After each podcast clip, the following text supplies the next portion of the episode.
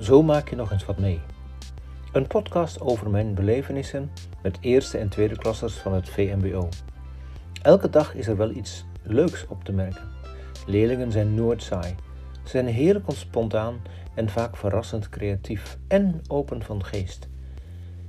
Ik geniet daar iedere dag opnieuw van. Vele ervaringen heb ik opgeschreven om nooit meer te vergeten. Zo blijven herinneringen actueel en leerlingen aanwezig in mijn geheugen. Mijn naam is Gert Timmermans en ik geef geschiedenis aan klas 1 en 2. Met enige regelmaat zal ik deze podcast vullen.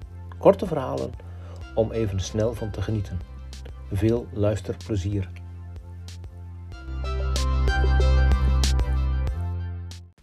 In de deuropening sta ik ze op te wachten. Klas 2 VMBO TL. Levendige mensen passeren me. De een kijkt turend naar een rechthoekig schermpje en de ander zoekt oogcontact. En weer een ander slaakt een diepe zucht. Stuk voor stuk zijn het geweldig mooie mensen die allemaal naar hetzelfde op zoek zijn. Zie je wel dat ik er ben? Wanneer ze hun eigen plek hebben gevonden, de aandacht nog verdeeld wordt onder klasgenoten, probeer ik langzamerhand hun belevingswereld binnen te dringen. Vandaag zijn we met de lessen bijna aan het eind van de Gouden Eeuw gekomen. De handelsnatie, de Republiek der Verenigde Nederlanden, heeft vele rijkdommen verworven. De opslagplaatsen in Amsterdam liggen chockvol. Graan in overvloed uit de Oostzeelanden, de moedernegotie genoemd, specerijen uit Oost en uit de West komen koffie, suiker, tabak en katoen.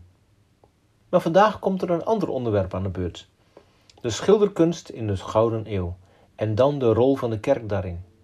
Ook de ontwikkeling van het denken krijgt een beurt. Kritisch leren denken en kijken.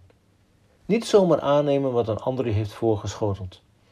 De juiste vragen durven stellen en niet bang zijn om soms tegen de stroom in te zwemmen. Daar krijg je een sterke persoonlijkheid van. Vanuit mijn ooghoeken zie ik Thomas en Nathan naar buiten wijzen. Ik merk dat verder niemand ziet wat de jongens zien. De aandacht van hen is nog bij mij. Ik houd mezelf voor om gewoon door te gaan, dan is er nog niks aan de hand. Maar wanneer ik toch zie dat de beide jongens beide in hun tassen zitten te, te zoeken, weet ik dat er zo een actie komt. Nathan heeft een etui gepakt en Thomas een werkboek van biologie. Ik begrijp dat ik in moet grijpen en dat de concentratie van de klas maar moet doorbreken. Jongens, wat willen jullie met die spullen? Beiden kijken ze me aan en dan wijst Thomas weer naar buiten. Kijk meneer, daar zit iets wat er niet hoort te zitten. Ik kijk niet meer naar buiten, maar focus me op het raam en zie daar tegen het glas een beest zoekend naar vrijheid. Maar vertel eens, Thomas, hoezo? Nou, kijk meneer, ik heb vliegangst. Dat beest hoort daar niet te zitten, dus ik wil hem het loodje laten leggen. Inmiddels is de hele klas betrokken bij Thomas en Nathan. De jongens roepen: Maak hem dood! Terwijl de meisjes voorzichtige gilletjes maken en iel roepen. Ik loop er naartoe en heb het raam inmiddels opengezet. De vlieg vindt zijn vrijheid onder boegeroep van jongens en hoera-klanken van meisjes. Wanneer ik de aandacht er weer bij heb, vraag ik de verschillende reacties. Jullie waren ook kritisch. Wat waren de verschillende uitingen? Heb je enig idee hoe dat komt? Het gebeurt niet elke keer dat de actualiteit zo'n prominente plek in de les krijgt.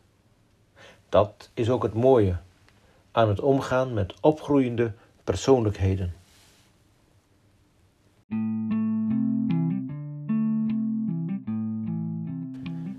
Dit was een verhaal uit de podcastserie Zo maak je nog eens wat mee. Mijn ervaringen met leerlingen waar ik elke dag voor sta en iedere keer weer van geniet. Wilt u meer van deze verhalen beluisteren? Abonneert u zich dan op deze podcast via uw favoriete podcastmedium.